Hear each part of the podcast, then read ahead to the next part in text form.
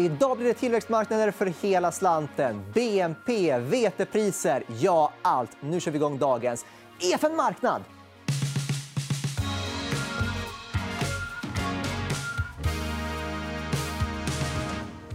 För att snacka om tillväxtmarknader så har vi med oss Mattias Martinsson. Välkommen hit igen. Tack för att jag fick komma. Och nu ska vi göra det väldigt tydligt. För tillväxtmarknader är ett summeringsord för bara massa olika länder som ingår där. Men det är inte det vi fokuserar på när vi pratar om investeringar i tillväxtmarknader. Berätta. Eh, vi på Tundra vi, eh, investerar i mindre tillväxtmarknader. Eh, det som världen definierar som låginkomstländer och lägre medelklass. Eh, det innebär att vi inte investerar i till exempel Kina, eller Ryssland, eller Sydkorea eller Taiwan.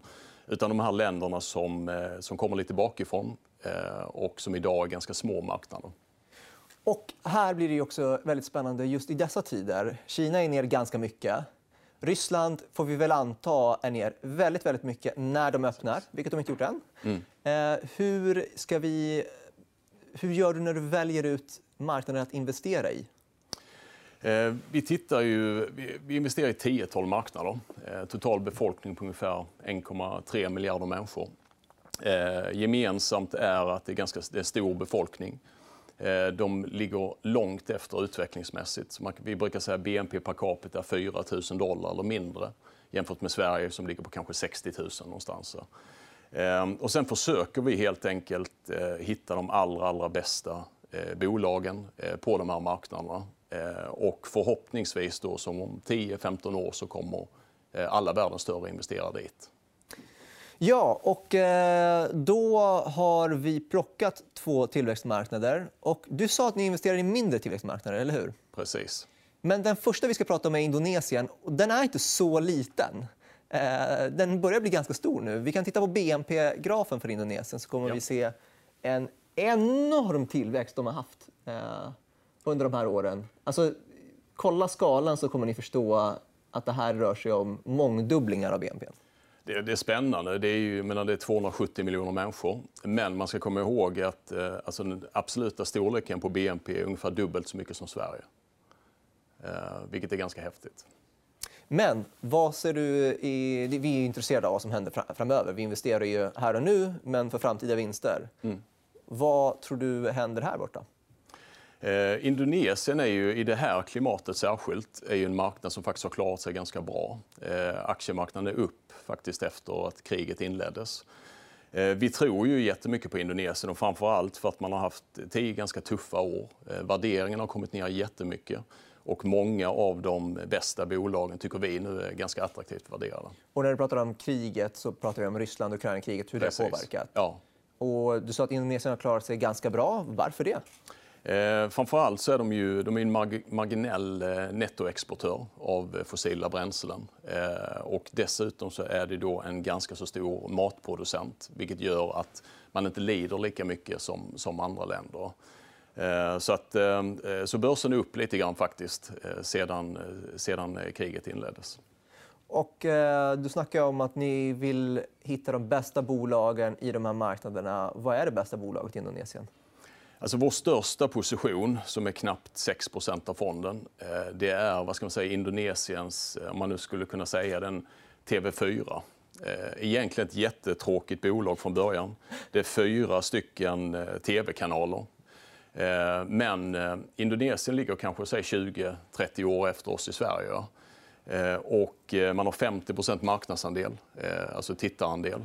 Men det var inte den stora anledningen till att vi investerade utan vi såg att bolaget eh, gjorde en väldigt spännande digital satsning.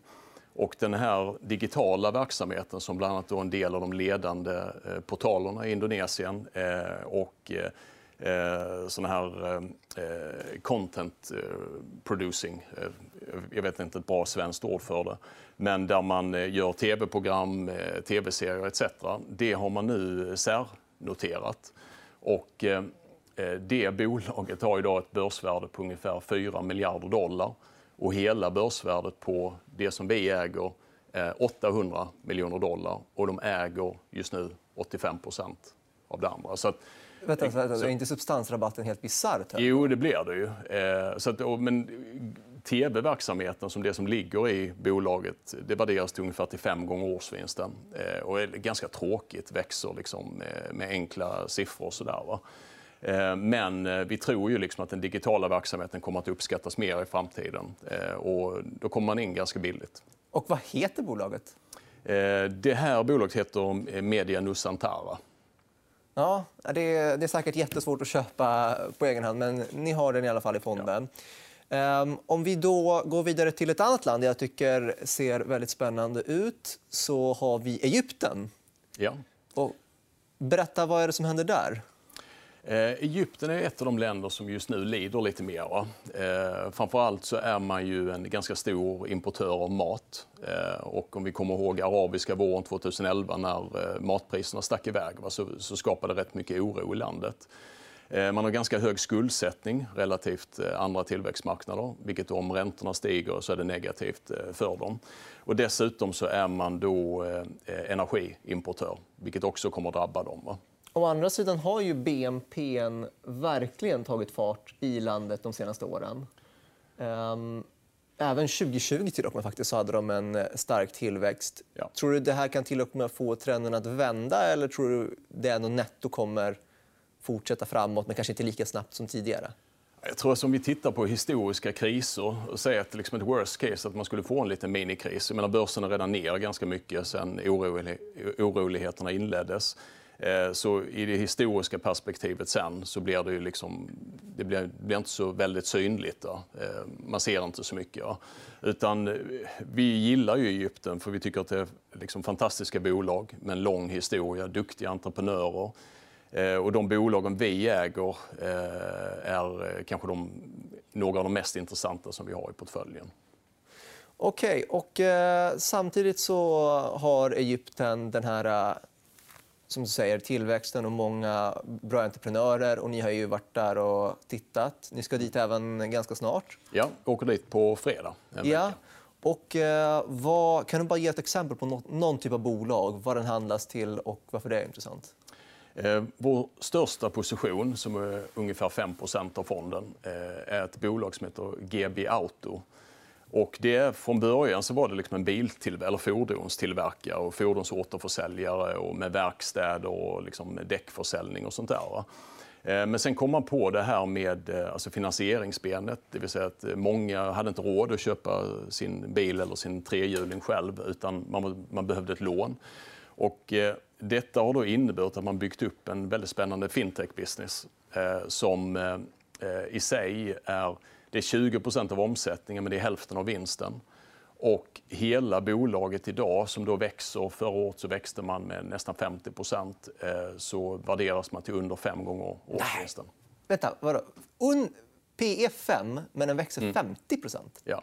Och eh, om man nu ytterligare liksom ska krydda det så är en del av den här fintech-businessen så har de ett eh, jättespännande bolag som heter MNT, Hall, eh, MNT Hallan och det skulle jag säga för de, de eh, tittare som känner till ett bolag som heter Kaspi ja. Eh, så skulle jag säga att detta är, detta är ingen bank, men eh, affärsmodellen påminner väldigt mycket om Kaspis som har ju varit extremt framgångsrika de senaste åren. Så att, och där har man nu fått in private equity-bolag och GB Auto äger ungefär äger ungefär 55 procent av bolaget. Eh, de omsätter ungefär en sjättedel av Kaspi idag. Eh, men eh, vi tror ju att värdet på det bolaget kanske, kanske är värt mer än hela GB Auto. Då är det bara en liten del av. Vänta, stopp. Nu, eh, jag hade tänkt prata om massa andra grejer, men nu blir jag så nyfiken så vi får stanna här. Hur, om den växer 50% och handlas till fem gånger årsvinsten, vad är haken? Alltså, bolaget ses fortfarande som ett, eh, ett fordonsbolag.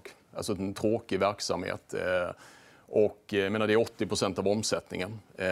Och läser du analyser om bolaget så handlar det väldigt mycket om hur många bilar ska de sälja det här året, vilka tillverkare ska in och ut och sådär. Vi är ju mer intresserade av de andra delarna av, verksamheten. Och nu är liksom finansieringsverksamheten, eller fintech-verksamheten som man skulle kunna säga, nästan hälften av vinsten. Eh, och eh, eh, jag tycker nog att det är det man kanske borde fokusera på för att det, det kan bli ganska spännande. Men för att förtydliga, den här fintech-biten den fokuserar bara på billån? Nej, inte... inte jag skulle säga att det finns fyra stycken finansieringsbolag inom fintech-verksamheten. Tre av dem är bara alltså fordonsfinansiering. Eh, det fjärde, de här MNT Halland, eh, eh, har nu byggt en, en, vad ska man säga, en lånemodell där de kopplar upp alltså lokala tillverkare av produkter, alltså lokala försäljare, kan du koppla upp sig på deras app och sen så erbjuder då MNT Halland finansiering så du kan dela upp betalningen på vilken vara som helst på 18 månader eller 24 månader. Och det är en ganska så lätt affärsmodell vilket gör att de är lönsamma redan idag. Va? Så det är ingen så förhoppningsbolag som, som bränner massa kassaflöden utan de, de, de har en bruttomarginal på nästan 50% och, eh, så bilreparatören blev fintechbolag och mm, nu fokuserar de... Ja. Det är väl... Men det, är, det är det som är det häftiga. Det är, det är därför liksom, det är så otroligt mycket fokus man bör lägga på ägarna och management. Eh, är det duktiga ägare, liksom, eh, framåttänkande, så, eh, så, så, får du ibland de här historierna. Va? Att det här tråkiga fordonsbolaget helt plötsligt blev något helt annat. Då. Eh, och sen ska man ju säga att Egypten har varit en övergiven marknad under flera år.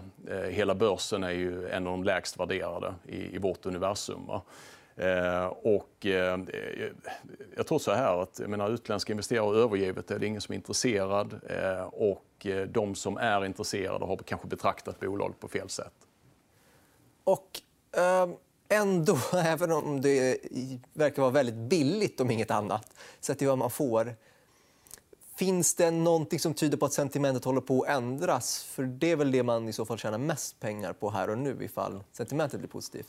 Ehm, alltså vi tror ju innan eh, den här Ukraina-Ryssland-situationen så var vi ganska optimistiska att det skulle ske redan i år. Eh, för att, eh, det stora problemet för Egypten, eller för aktieintresset i Egypten har varit att obligationsräntorna har varit väldigt höga.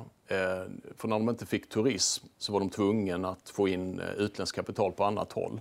Då har de erbjudit utländska investerare väldigt, väldigt höga obligationsräntor för att kompensera. Samtidigt som inflationen har varit väldigt mycket lägre än räntorna. Så att när du har nästan 15% avkastning på, på obligationer och inflationen är 6% då är det väldigt svårt att få någon intresserad av aktier. Eh, men jag tror att när turismen, eh, får vi se när det blir, men när den återkommer igen, då kan man släppa lite grann på, på den här räntespreaden och då tror jag också att intresset kommer att förflyttas till aktiemarknaderna. Eh, men vi får se när det blir. Men vi är, som sagt, vi är, alltid, vi är alltid långsiktiga och vi, vi är nöjda med, med vår investering i bolaget. Och bara så här, den GB Auto som du snackade om innan, den ger utdelning redan nu? Då, eller? Ja, de har ett par procents direktavkastning. De har precis återupptagit utdelningen. Ja, och, eh, alltså, vi skulle ju prata om någonting mer, men det kan vi väl ta upp den här bilden på deras nya huvudstad eh, som eh, håller på att byggas. Ett, eh, inte bara ett skrytbygge, utan det finns logik bakom. Superspännande. Mm. Eh, hur stor betydelse har det här för Egypten? Alltså det, är ju, det blir ju liksom som att bygga, det är som om vi skulle bygga liksom ett nytt Stockholm, eh, typ fem mil från, från där vi är. I Kairo så har du då 20 miljoner människor, extremt svårt att ta sig fram. Eh, jag tror efter Lagos är den värsta trafiken som, eh, som jag har sett. Eh, Dhaka också förresten. Men eh, nu bygger man den här nya staden. Eh, tänkt att 6,5 miljoner människor ska bo där. Så typ fem Stockholm egentligen? Ja. Eh, började 2015 eh, och eh, nu är tanken att man ska börja flytta in och börja liksom med regeringsledamöter och sådär. Och sen försöka sen locka folk, liksom build it and they will come. Eh, det är nog tesen. Va? Eh, men jag tror det är smart. Man har hur mycket yta som helst. Det gäller liksom bara att skapa rätt infrastruktur eh, runt omkring det. Och det ger liksom en möjlighet till tillväxt under många år framöver. Ja. Nej, men det låter ju hur spännande som helst. Jag får önska dig lycka till och ha en trevlig solig semester. Det är väl ändå rätt ja. soligt där i Egypten? Ja, ja vi hoppas det. hoppas det. Ja, men bra. Tack så mycket. Det var det vi hann med i EFN Marknad. Vi är tillbaka på fredag. Missa inte att stå på återseende.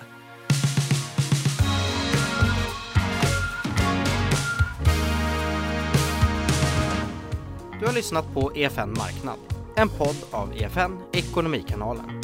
Mer om ekonomi och aktier finns på efn.se.